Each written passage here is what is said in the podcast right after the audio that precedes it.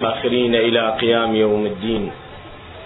اللهم ربنا وفقنا وجميع المشتغلين واجعله خالصا لوجهك الكريم إنك أرحم الراحمين. في البداية أشكر الأخوة الشيوخ والسادة الأفاضل وبالخصوص معتمدي المرجعية الرشيدة كما أشكر الأخوة السادة المسؤولين الأفاضل وأشكركم جميعا أيها الموالون في هذا القضاء على هذا الحضور والترتيب وأشكر مركز الدراسات التخصصية في الإمام المهدي على توفير هذه الفرصة باللقاء بالأخوة المؤمنين. أسأل الله تبارك وتعالى لكم التوفيق والتسديد والرعاية. الموضوع الأساسي من الحديث هو الحديث عن الاضطراب الذي يحاول بعض النفوس المريضة أن يوجدوه في بعض مناطق الشيعة. هذا الاضطراب ما أتكلم على الاضطراب السياسي ولا الأمني. أتكلم على الاضطراب الثقافي.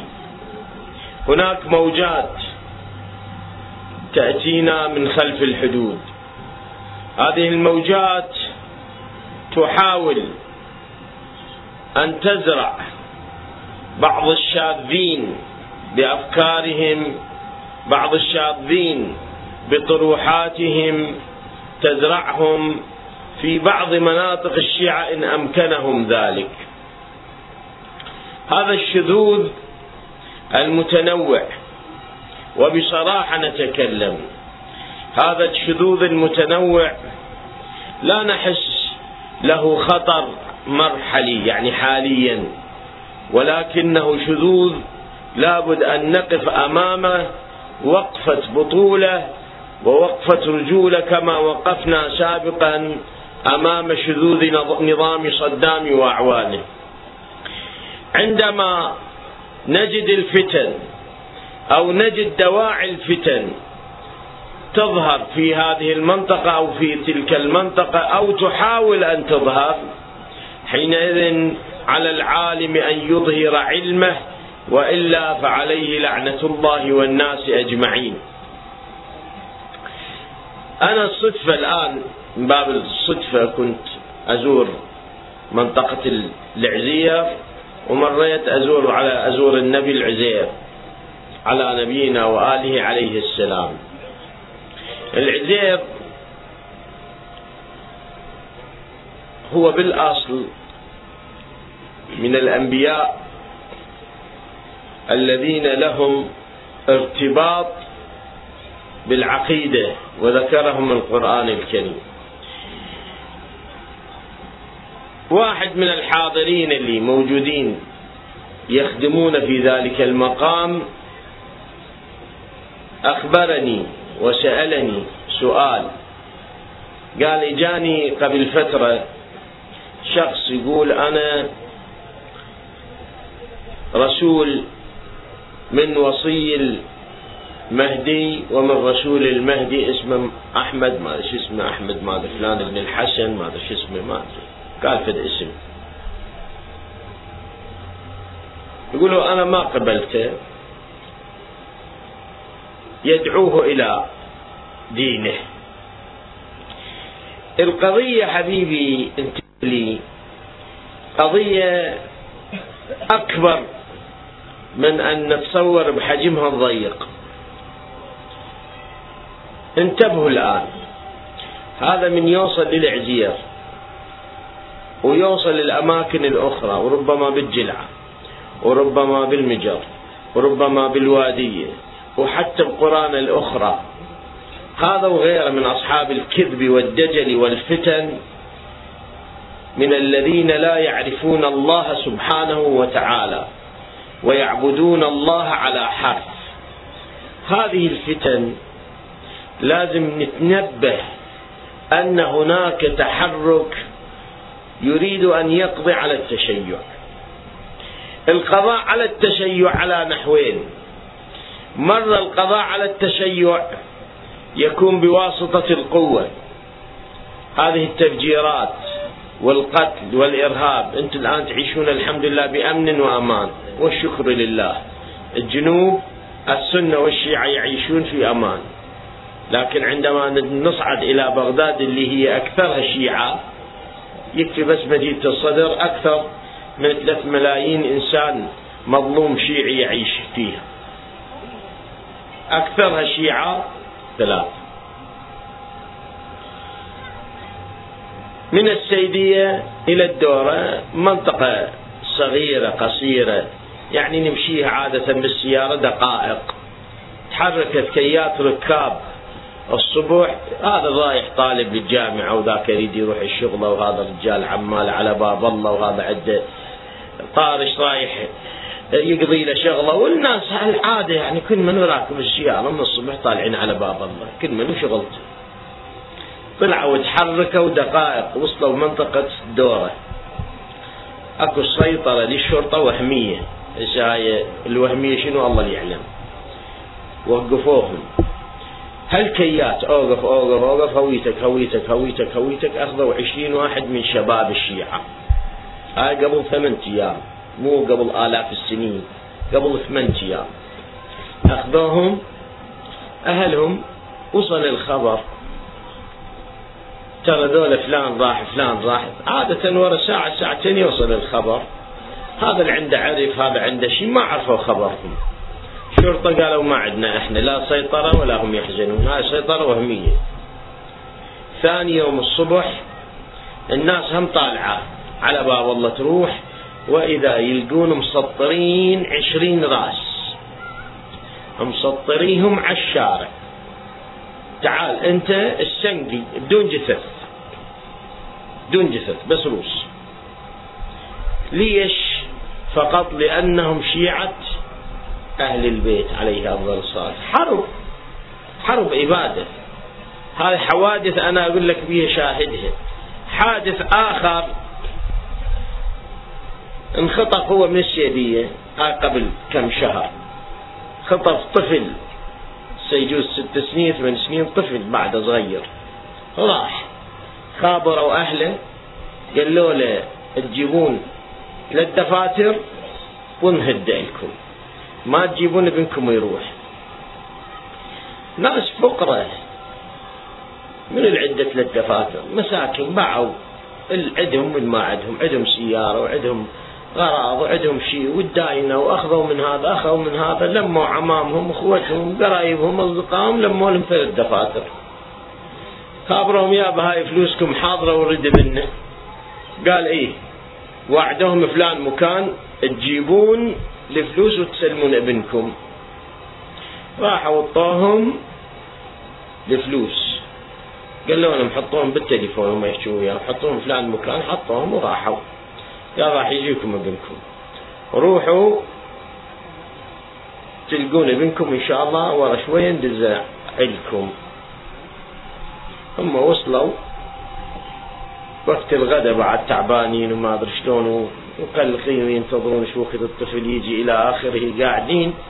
إيه صارت الثنتين الظهر هالشكل وعينهم على الباب اندقت الباب. خابروهم. قال لهم مساء جبنا لكم الغداء.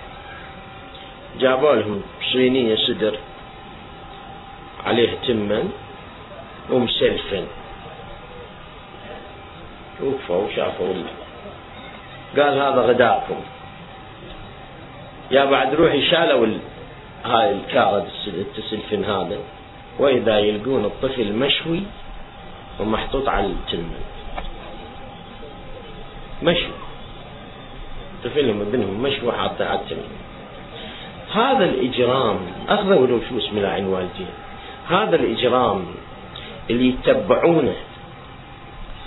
الإجرام اللي غرضهم يبيدوا شيعة آل محمد عليهم السلام. يساعدوهم بالإعلام الآن السعودي والأردني والمصري والخليجي والفلوس والدنيا والمفخخات وكل شيء. هذا نوع من أنواع اباده التشيع محاربة التشيع القضاء على التشيع. هذا نوع من الأنواع. النوع الثاني أخطر من هذا.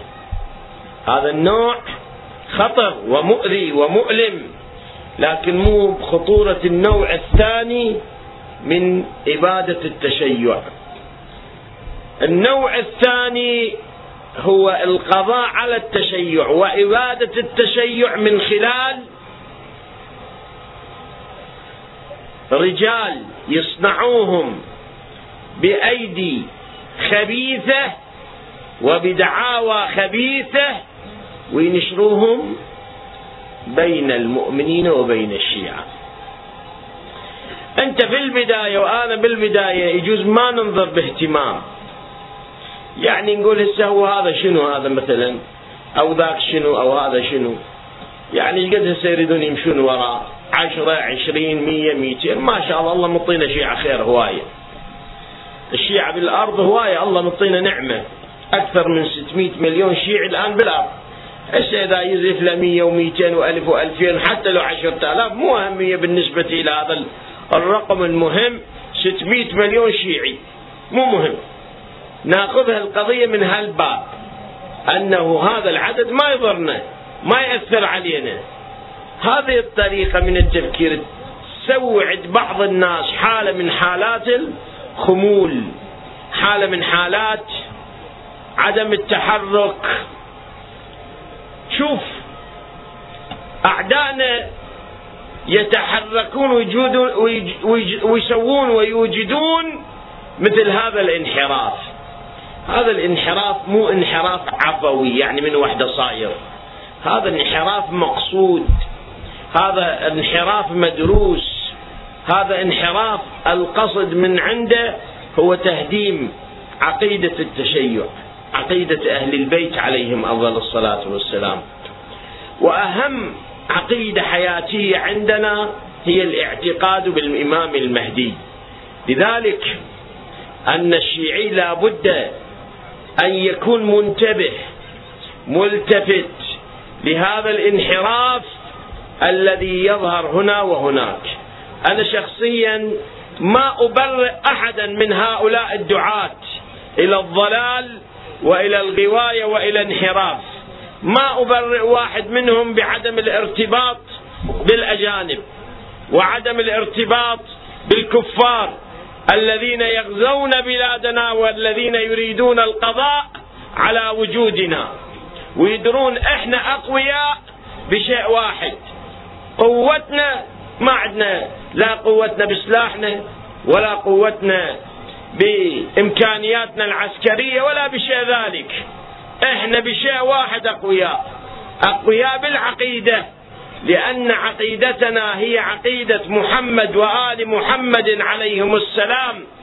وهذه العقيدة اللهم صل على محمد وعلى وهذه العقيدة تحمل تحمل الشيعي على هذا التاريخ الطويل المصائب والعذاب والألم ولكن هذا الإنسان ما تنازل عن التشيع وبقى صابر.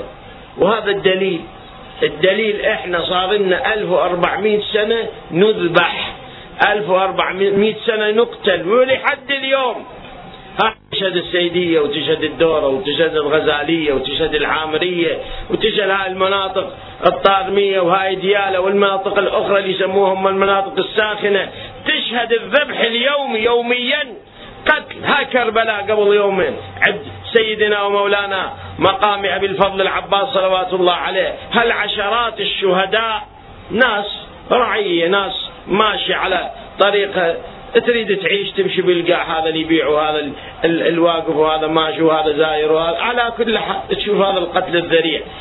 الآن يشوفون مع هذا القتل الذريع والناس صامدة صامدة. مع هذا القتل الذريع تشوف الملايين تزحف إلى قبر سيد الشهداء عليه السلام. مع هذا القتل الذريع تشوف الناس يهتفون بنداء لو قطعوا أرجلنا واليدين نأتيك زحفا سيدي يا حسين. هذه حالة حالة أجنت الكافرين وأجنت الوهابيين وأجنت التكفيريين وخبضتهم وما خلت لهم طريق ويفهمون كيف يمكن يمكنهم أن يتحركوا. شوف لاحظ. هنا إحنا أقوياء بالعقيدة. لذلك هناك صراع ضد عقيدة أهل البيت. هذه الأسماء المنحرفة. كل من يصل بالمهدي أو يلتقي بالمهدي. هذه الطريقة طريقة أهل الضلال والتيه إحنا الشيعة الإمامية نعتبر نعتبر أن الأئمة عليهم السلام 12 إمام لا يزيد إمام ولا ينقص إمام. 12 إمام. الأئمة عليهم أفضل الصلاة والسلام اثنا عشر إمام. أولهم الإمام أمير المؤمنين علي وآخرهم المهدي. عجل الله تعالى فرجه. عقيدتنا اثنا عشر إمام. 12 إمام نؤمن بهم صلوات الله وسلامه عليهم هذا من عقائدنا. نؤمن من عقائدنا أن الإمام المهدي عجل الله تعالى فرجه هو أبوه الحسن العسكري وأمه السيدة نرجس عمته وهي عمة الإمام الحسن العسكري بنت الجواد. السيدة حكيمة صلوات الله عليها. ولد عليه أفضل الصلاة والسلام سنة 255 للهجرة يوم 15 شعبان المبارك. ولد الإمام صلوات الله وسلامه عليه. هذا نعتقد به. وأنا في مكان آخر قرأت قصة مولده صلوات الله عليه. أتيمن وأتبارك أيضا أذكر هذه القصة وكيف ولد الإمام. الإمام المهدي صلوات الله وسلامه عليه تأخرت ولادته عند أبيه لأن الإمام العسكري صار عمره أكثر من أربعين سنة وما يقارب ستة وأربعين سنة ولم يكن له ولد. كانت الشيعة تسأل يا ابن رسول الله. ليش ما الله سبحانه وتعالى يرزقك ولد؟ قال سوف يرزقني ولد. في يوم السيدة حكيمة صلوات الله عليها تقول ذهبت كالعادة إلى بيت الإمام العسكري في شهر شعبان. أزوره أزور على العادة سير علي تبدي عليه صلوات الله وسلامه عليه فقد عند ساعة ساعتين أرادت أن تقوم. فقال لها الإمام يا عمة اجعل إفطارك الليلة عندنا. باعتبار أهل البيت يصومون شعبان وشهر رمضان. اجعل إفطار يعني اليوم فطر عندنا. ف إنه سوف يولد اليوم المولود العزيز على الله تبارك وتعالى. الإمام المهدي تنتظره الأنبياء والأئمة وكان يسمى بالمولود الكريم والمولود العزيز على الله. فقالت له السيدة حكيمة ممن؟ فأجابها الإمام سلام الله عليها من نرجس. نرجس جارية وزوجة الإمام عسكري صلوات الله وسلامه عليه بعد ذلك صارت. تقول السيدة حكيمة فجئت إلى نرجس قلبتها ظهرا من بطن فلم أر بها أثر حمل ما لقيت عليها آثار الحمل.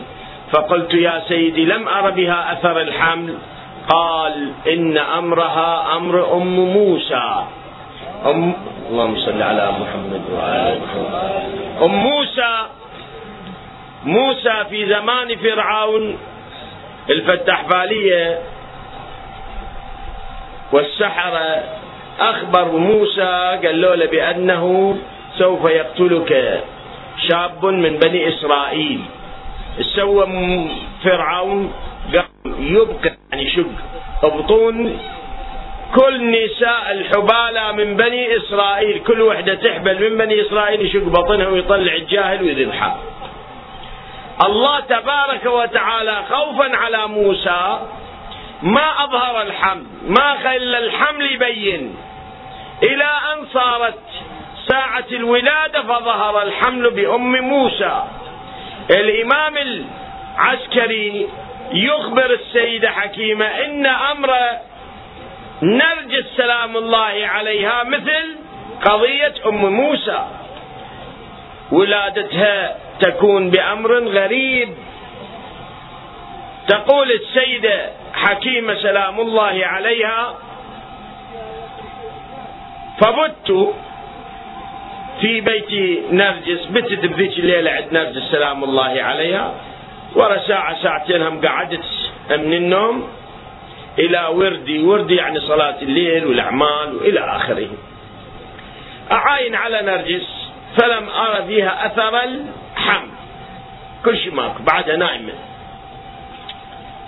خلصت وردي ظليت أسبح هي هم نايمة ورا شوية قعدت. قامت سلام الله عليها نرجس توضت اجت صلت وردها يعني صلت صلاة الليل. شفتها شيء عادي. نامت. إلى قريب يطلع الفجر. كانت تنتظر وصعب الانتظار. يقول الراوي فخرجت السيدة حكيمة سلام الله عليها إلى صحن الدار. تعاين إلى السماء تشوف الفجر طر لو بعده طلعت شافت الفجر بعده يريد يطلع ها بعد عشر دقائق ربع ساعة يطلع الفجر. فقلت في نفسي هي سيد الحكيم. يقول قلت في نفسي خاف هذا الإمام سلام الله عليه قد بدا لله فيه شيء. يعني هو قال لي الليلة وراح يطلع الفجر والإمام ما ولد. المهدي لم يولد. خاف الموضوع تغير. تقولوا أنا في هذا الأثناء أكلم نفسي. الحكي وين؟ بروحها ما مطلعت اللسان. وإذا بي أسمع الإمام أبا محمد أبو محمد يعني الإمام العسكري من داخل الدار يناديني يا عمة لا تشكي فقد قرب الأمر. يعني الأئمة عليهم السلام يعرفون شو يصير بالنفس. يقول لا لا شكي راح يقرب الأمر راح يجي. تقول فاستحييت استحيت أنا. من هذا الشك اللي دخل في نفسي ثم دخلت تقول من طبيت البيت الغرفة وإذا بنرجس تنهض فزعة تقعد خرعانة مخروعة خايفة. فقالت لي يا عمة قد ظهر الأمر الذي قد أخبرك به أبو محمد. يعني طلع القضية اللي قال لك صار هذا الأمر. فقالت لي يعني هي السيدة نرجس قالت لي أحس بوجع. بعد حالات الطلاق. تقول فجلست أولدها وإذا بنور يحيطها من كل جانب يحجبها عني. يعني بعد هذا النور تصير بهالة من نور تنحجب عني. تقول ماكو لحظات. وإذا بولي الله خر ساجدا متلقى الأرض بمقادمه يعني بإيديه. وهو يقول يعني إمام الحجة ولد وهو يقول الحجة في هن الولادة وهو يقول ونريد أن نمن على الذين استضعفوا في الأرض ونجعلهم أئمة ونجعلهم الوارثين.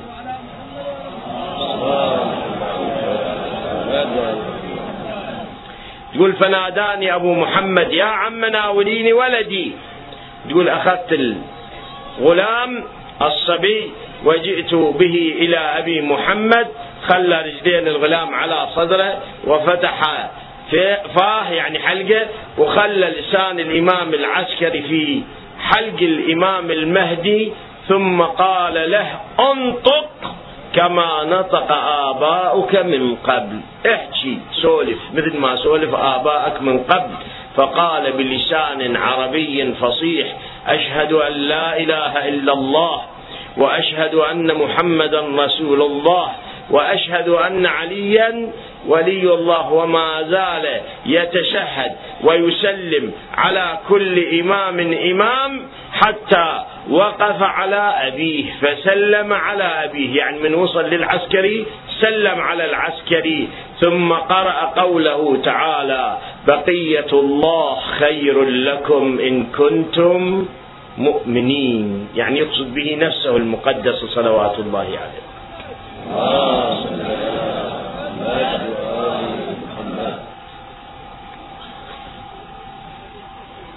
الإمام المهدي من ولد صلوات الله عليه أخفى الإمام العسكري الولادة على أعدائه ليش؟ لأن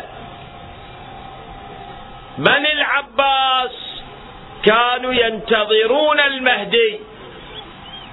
بنو العباس كانوا ينتظرون المهدي وكانوا يعلمون بأن الثاني عشر هو المهدي ويدرون أن هذا المهدي هو الذي يبيد دولة الجبابرة والطواغيت وكانوا يعلمون بأنهم من الجبابرة ومن الطواغيت. سووا خلوا جواسيس. وين في بيت الإمام العسكري؟ إحنا قبل كنا نسميهم شماشمة ما الأيام قبل من كنا هنا. سميهم زمان صدام شماشمة خلي لهم شمشوم شمشوم بيت الإمام سلام الله عليه. توصل الأخبار منو بيهن حامل منو بيهن يمكن حامل من الجوار لأن الإمام العسكري عنده هواية جواري. وكذا في البيت. هذاك الزمان هالشكل كانت. فأخبروا بأنه هناك امرأة ادعت الحمل. وحدة من الجواري قالت أنا حامل حبشوها ثلاث سنين. ثلاث سنين حبشوها حتى ثلاث سنين حتى لو حامل. أخذوها وخلوها بسجن يريدون يشوفوها تلد أو لا تلد. ما ولدت ثلاث سنين. ثم صارت فتنة بني خاقان أو ابن خاقان وحينئذ فهربت من اللي هربوا من دار الخليفة السلطان. على كل حال الموضوع ماخذيه على نحو الجد. ولذلك أن الإمام العسكري ما كان يخبر كل واحد بولادة الإمام وإنما ما خلاه حد يدري لا. أخبر أخبر الإمام العسكري أخبر بعض الصالحين من أتباعه. سووا اجتماع جمع كما في كمال الدين وفي غير كمال الدين. سووا اجتماع أربعين من وكلاء الإمام ومن عظماء الإمام وأخرج الإمام العسكري المهدي على هؤلاء الأربعين وقال لهم هذا صاحبكم من بعدي. وأقام المعاجز وشوفهم صاحب الزمان وصاحب الزمان كان طفلا صغير بالعمر صلوات الله عليه. شوفهم إياه. الإمام سلام الله عليه المهدي أظهر الله على يديه الكرامات والمعاجز وهو صغير. نسيم الخادم خادم يعني خادم الخادم تجي للذكر وللأنثى بالعربية. يعني المرأة يصيحوا له خادم والرجال هم يصيحوا له خادم. يعني هاي إحنا بنقول خادمة وخادم هاي عد تقول بعد ثلاثة أيام من ولادة المهدي دخلت عليه على سيدي سيدي الصغير الغلام بعد ثلاثة أيام من مولده فعطست عطست. فقال لي يرحمك الله. عمره قد؟ ثلاث أيام مو ثلاث سنين ثلاث أيام. قال يا يرحمك الله. ثم قال لي العطاس أمان من الموت لثلاثة أيام. يعني إذا واحد مريض أو غير مريض إذا عطس لمدة ثلاثة أيام ما يموت من مرض. إذا تجي سيارة طقة تجي طلقة وتاخذه تجي عبوة وتشيله أي واحد. هذا أمور خوارق. لا بنفسه بنفسه كمرض وعلة ما يموت لأن العطاس علامة من علامات الصحة والسلامة. ثلاثة أيام ما يموت. أمان من الموت ثلاثة أيام. تقول ففرحت بذلك. تلاحظ أن الإمام المهدي الله طلع على لسانه ويديه من الكرامات ومن خوارق العادات وهو صغير السن إلى أن كبر. صار عمره خمس سنين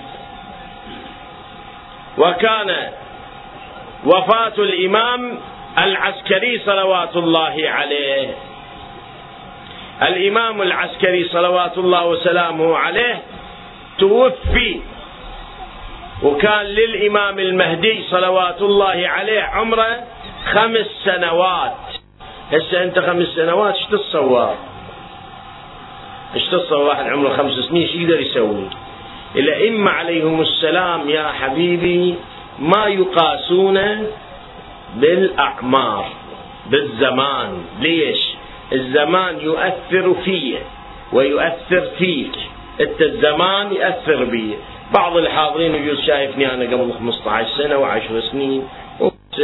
بذاك الوقت كنت غير شكل وهسه من الله سبحانه وتعالى وهب لي على الكبر شيبة. واشتعل الرأس شيبة ولم أكن بدعائك ربي شقيا. الدنيا تغيرت ليش لأن الزمان يأثر بي ويأثر بيكم والإنسان كل ما يكبر الزمن كل ما تجاربه تكون أزيد. كل ما خبرت بالدهر يفترض بيش تصير تصير أزيد. هذا بالنسبة إلي وإلك أما بالنسبة للأنبياء والأئمة عليهم السلام فما يشملهم هذا الحكم. عيسى في المهد إلى ساعات ولدت أم سلام الله عليها مريم فجاءها قومها. جوي أهلها قال لها يا مريم ما كان أبوك امرأ سوء وما كانت أمك بغية؟ يعني لا أمك باغية ولا أبوش رجال مو مو طيب. ما كان أبوك امرأ سوء وما كانت أمك بغية. فأشارت إليه بالمهد. فأشارت إليه. قالوا كيف نكلم من كان في المهدي صبيا تجينا نحكي واحد بالمهد. قال إني عبد الله آتاني الكتاب وجعلني نبيا. تلاحظ هو بالمهد. نبي هو بالمهد يتكلم هو بالمهد يتحدث. الإمام المعصوم ما يؤثر به الزمن ليش؟ لأنه أمام الزمن. إحنا وراء الزمن. إحنا وراء الزمن. الزمن يأثر بينا. أما إذا واحد قدام الزمان والزمن هو يأثر بالزمن مو الزمن يأثر به هو يجر الزمن مو الزمن يجر إحنا الدهر يجرنا الزمن يجرنا. أما هو سلام الله عليه إمام أنت مو تقول؟ شو تسمي؟ إمام الزمان. الإمام يعني القدام اللي يجر اللي يجر الزمان وإمام الزمان وأمام الزمان هو صاحب الزمان عجل الله تعالى فرجه. لذلك لا يؤثر به الزمن عمره خمس سنين هو سيد الكون وعمره أقل من خمس سنين فهو سيد الكون وعمره ألف سنة فهو سيد الكون. هو واحد. زاد الزمن. لم يزد الزمن فهو فوق الزمن وهو أمام الزمن صلوات الله وسلامه عليه. كان عمره خمس سنين وصار إمام الزمان وصار الإمام المعصوم. لكن بقى ما يلتقي بالناس. علنا خوفا من السلطان خوفا من السلطات. ولذلك خلى بينه وبين العالم وسائط. هذا الوسائط اسمه شنو؟ اسمه السفير. فكان أول سفير عين الإمام هو عثمان بن سعيد العمري رضوان الله عليه. قبر الآن موجود في منطقة الميدان في بغداد. ثم من راد يموت عثمان بن سعيد عين بعده محمد ابنه سواه السفير الثاني اللي إحنا نسميه الخلاني. ثم بعد ذلك عين وراء الحسين بن روح النوبختي. هذا الحسين بن روح موجود قبره الآن في الشورجة ثم بعدين علي بن محمد السمري هذا الرابع. علي بن محمد السمري موجود هم قبر الآن مقابل المدرسة المستنصرية الأثرية اللي بناها المستنصر بالله القريب قصر الشهداء هناك قبر رضوان الله عليه. علي بن محمد السمري رضوان الله عليه بزمان تحدد الأمر. يعني بعد عندنا السفراء أربعة لا خمسة ولا ستة ولا سبعة ولا عشرة ولا عشرين ولا هاي. النواب السفراء الوكلاء أربعة. بعد يجيك واحد يقول لك أنا وكيل الإمام وأنا ما أدري شنو وصي الإمام هذا كله دجل كذب. عندنا إحنا السفراء النواب الوكلاء أربعة فقط صلوات الله عليهم عينهم الإمام أولهم عثمان بن سعيد الثاني محمد بن عثمان بن سعيد الثالث الحسين بن روح الرابع علي بن محمد السمري. ذولا بس هم الوكلاء. في عصر الغيبة انقطعت السفارة. بعد ماكو أحد يمكن أن يتصل بالإمام المهدي ويلتقي بالإمام المهدي عجل الله تعالى فرجه. انقطعت السفارة وانتهت السفارة والعلاقة المتصلة مباشرة بالإمام. ولذلك طلع الكتاب من الإمام المهدي إلى علي بن محمد ملخصه يا علي بن محمد السبري إنك ميت عن ستة أيام. بعد ستة أيام وتموت. هذا إخبار بالغيب مو من من الله تعالى. بعد ستة أيام وأنت تموت. فلا توصي لأحد من بعدك بعد ماكو واحد توصي له وقد وقعت الغيبة التامة. انتهت بعد الغيبة الكبرى. وسيأتي على شيعة من يدعي المشاهدة.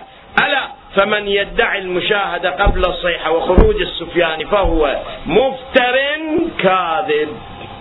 كل واحد يقول لكم بأنه هو يتصل بالمهدي عجل الله تعالى فرجه ويلتقي به فهو مفتر كاذب. انتهت الأمور. إلى الصيحة وخروج السفيان. هسه الصيحة والسفيان شنو هذول؟ الصيحة السنة اللي يطلع بها الإمام المهدي إن شاء الله تعالى. يخرج يوم عشرة محرم من مكة المكرمة وينتقل علما إلى المدينة المنورة وبعدين يجي إلى العراق. بذيك السنة اللي يطلع إن شاء الله المهدي يوم عشر محرم في شهر رمضان. ليلة 23 من شهر رمضان ينادي جبرائيل في السماء ألا أن الحق مع علي وشيعته؟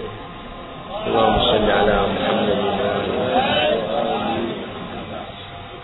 واحد يقول هو هذا هذا البزرقة طلع الملعون الوالدين يقول يعني شنو يعني مع علي وشيعته؟ الآن ماكو مشكلة. شلون ماكو مشكلة؟ الوالد بدها تتذبح على اسم علي بن أبي طالب. شلون ماكو مشكلة؟ أنت هذا الله لا يقول هناك الآن. الآن بعد روح أنت تدري تدري في حي الجامعة. قتل أنا من أعرف من أرحامي من أرحامي. أرحامي. قتلوا لي اسمه حيدر. هو متزوج أم وحدة؟ من إخواننا السن. بس اسمه حيدر لأن اسمه حيدر.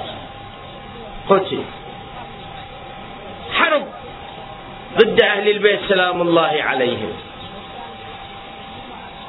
حرب ضد أهل البيت. لذلك جبرائيل ينادي في آخر الليل من 23 من شهر رمضان من السنة التي يظهر بها الإمام عجل الله تعالى فرجه الشريف ينادي جبرائيل في السماء ألا أن الحق مع علي وشيعته؟ ثاني يوم إبليس ينادي في الأرض. انتبه جبرائيل بالسماء إبليس بالأرض.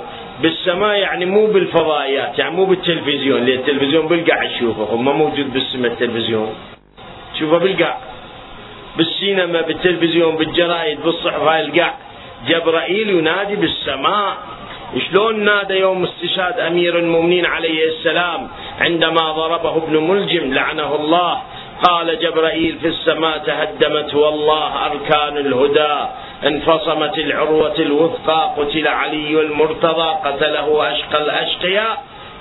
كذلك نفس الشيء في السنة التي يظهر الإمام عجل الله تعالى فرجه الشريف ينادي جبرائيل بالسماء ألا أن الحق مع علي وشيعته. ثاني يوم بالليل. هذا آخر الليل تقول الرواية فلا هاي الصيحة. فلا يبقى نائم إلا وقد فزع. ماكو نايم يظن نايم كلها تفزع وتقعد تنهض ولا تبقى مخدرة إلا فزعت. إذا وحدة حتى ما سامعة ولا شايفة بس تسمع هذا الصوت إلا فز تخترق. ثاني يوم أول الليل. ينادي إبليس في الأرض يعني بالتلفزيون والراديو لأن هذا صح يصير تشويش عند الناس. شنو هالصوت؟ وهذا الصوت يسمعه في المشرق يسمعه في المغرب. واحد قال لي زين هذا الصوت بالمشرق مثلا واحد بإيران. شلون يسمع؟ بالعربي مثلا واحد ببريطانيا يسمع بالعربي واحد بفرنسا. يسمع بالعربي؟ قلت له لا.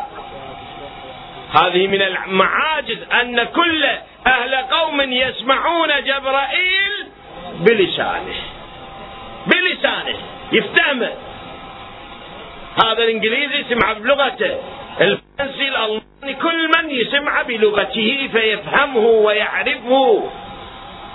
التركي الهندي اللري على كل حال كل واحد يسمعه بلغته.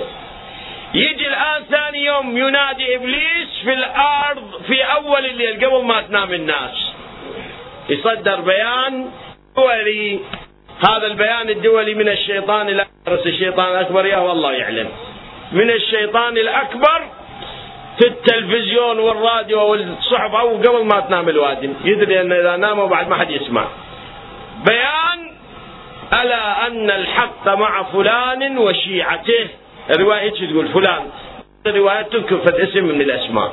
يعني شنو؟ يعني أعداء علي بن أبي طالب عليه أفضل الصلاة والسلام. يعني هؤلاء الأمويون لعنهم الله. هم راح يقودون يمثلون الوجود الذي يحارب الإمام المهدي صلوات هاي الصيحه قبل الصيحه كل واحد يقول لك أنا ألتقي بالإمام وأنا وكيل الإمام وأنا وصل الإمام وأنا ابن الإمام وأنا الإمام وأنا إلى آخره فهو كاذب مفتر السفياني السفياني يخرج الوادي اليابس يعني من فلسطين. فلسطين تسمى الوادي اليابس. ويجي إلى الكور الخمس. هذا فلسطين ويجي على عمان ربيعتهم. وبعدين يجي على حمص. على كل حال هذا يسيطر السفياني على تلك المناطق. فإذا سيطر السفياني على تلك المناطق لعنه الله حينئذ يدز جيش وين؟ جيش لمحاربة الإمام بعد ما يخرج الإمام المهدي عجل الله تعالى فرجه إلى المدينة ودي هذا الجيش يوصل إلى البيداء يعني الصحراء صحراء المدينة فيخسف الله بجيشه كله. ما ينجو منه إلا اثنين البشير والنذير. اثنين من هذا الجيش العرمرم الكبير. واحد يجي إلى الكوفة فيبشرهم بأنه قد هلك الله جيش السفياني وواحد يروح إلى دمشق فينذر السفياني بأن الله قد هلك جيشه ونصر المهدي. قبل هذه المرحلة من تصير لا يمكن حينئذ لأحد أن يدعي بأنه هو المهدي أو أنه باب المهدي أو يتصل بالمهدي. زين هذا كله في الغيبة الكبرى. معقول الآن الإمام إذا هو ما ينشاف وما يمكن واحد يوصل له كيف يمكننا أن نلتقي؟ كيف نعرف الصح؟ كيف نعرف الخطأ؟ كيف نعرف الأمور الصحيحة المو صحيحة؟ هي تايهة كل من إلى تصير لا.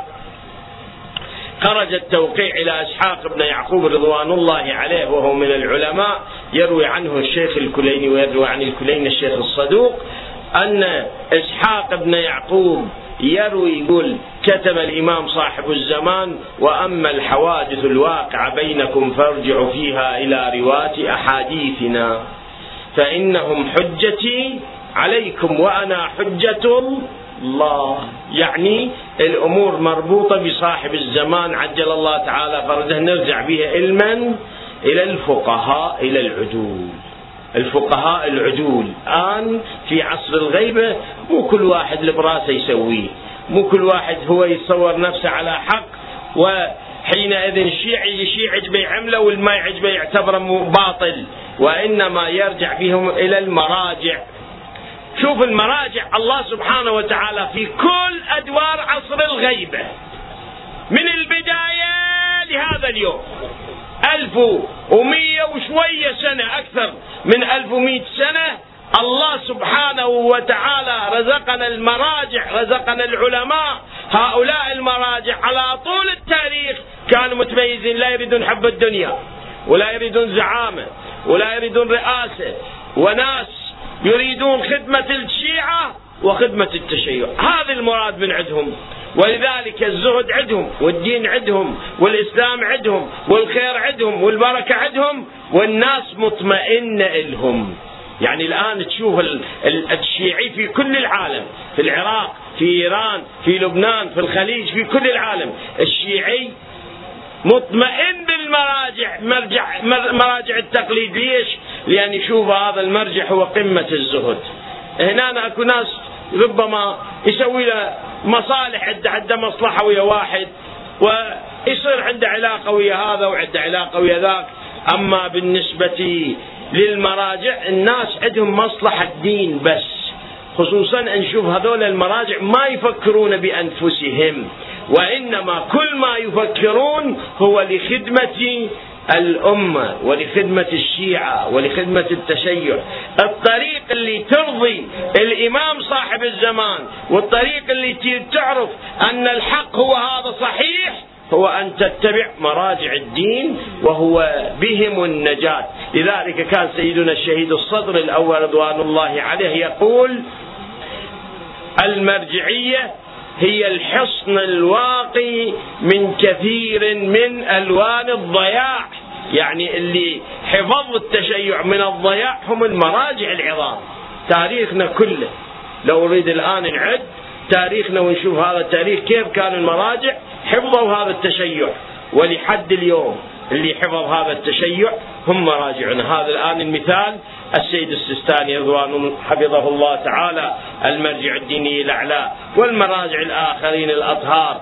سلمهم الله تعالى. اللاحظ أن هؤلاء حفظهم الله تعالى حفظوا التشيع. لو مو هم يحفظون التشيع كان ما الحمد لله. قدرنا أن نسترد بعض حقوقنا. لحدنا إحنا ما استردينا حقوقنا. ما حصلنا كل ما نريد من حقوق. لكن هالمقدار اللي حصلناه ما كان اعطونا اياه لكن ببركة العقل العظيم لمراجعنا وحرص حرصهم على حماية الشيعة والتشيع. وصلنا الحمد لله إلى هذه المرحلة من مراحل الخير والبركة. النجاة إليك في دينك ودنياك آخرك في كل شيء هو الاتصال والانحصار بمراجع الدين العظام. باعتبارهم وكلاء الإمام عجل الله تعالى فرجه. في هذا المكان نكرر الشكر وفي هذا المكان الذي جعله محل لذكر الله ولرسوله وللأئمة ندعو الله بقلب صادق. اللهم صل على محمد وآل محمد. إلهنا إن كان في مجلسنا هذا صاحب حاجة فاقضي حاجته. مريض شافي مرضاه غريب رده إلى بلاده. مدين اقضي دينه. إلهنا بحرمة محمد وآل محمد عجل لوليك الفرج. واجعل فرجنا بفرجه إلهنا بحرمة محمد وآل محمد. احفظ علماءنا الأعلام مراجعنا الكرام. لا سيما آية الله العظمى المرجع الديني الأعلى. أدم ظله على جميع المسلمين لندعو للإمام الحجة بالفرج. اللهم كن لوليك الحجة ابن الحسن. صلواتك عليه وعلى آبائه. في هذه الساعة وفي كل ساعة وليا وحافظا وقائلا وعينا حتى تسكنه أرضك طوعا وتمتعه فيها طويلا برحمتك يا أرحم الراحمين وصلى الظاهرين